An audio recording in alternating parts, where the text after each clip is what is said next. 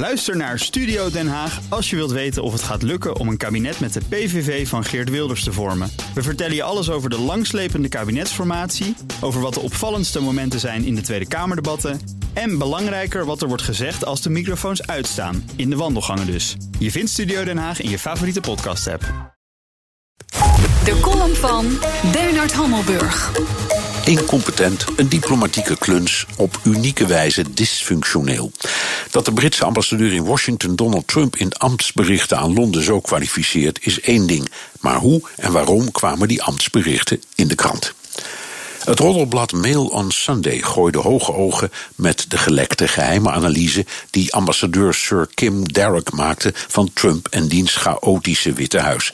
Natuurlijk kwam er een geconditioneerde reflex van Liam Fox, minister van Buitenlandse Handel. Excuus aan de Amerikanen, we gaan het lek onderzoeken.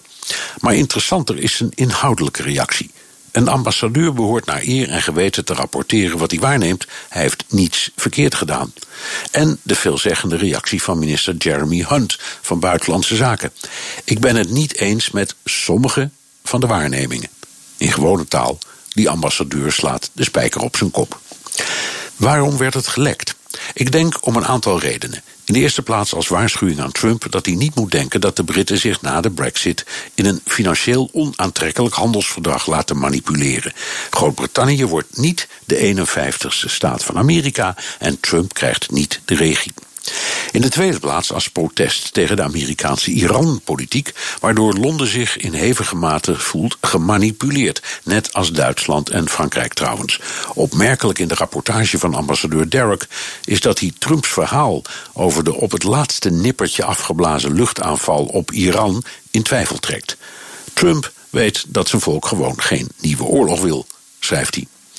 En tenslotte is het een waarschuwing aan Boris Johnson om, als die de nieuwe Britse premier mocht worden, niet Nigel Farage of een andere beroepsquerulant als ambassadeur naar Washington te sturen.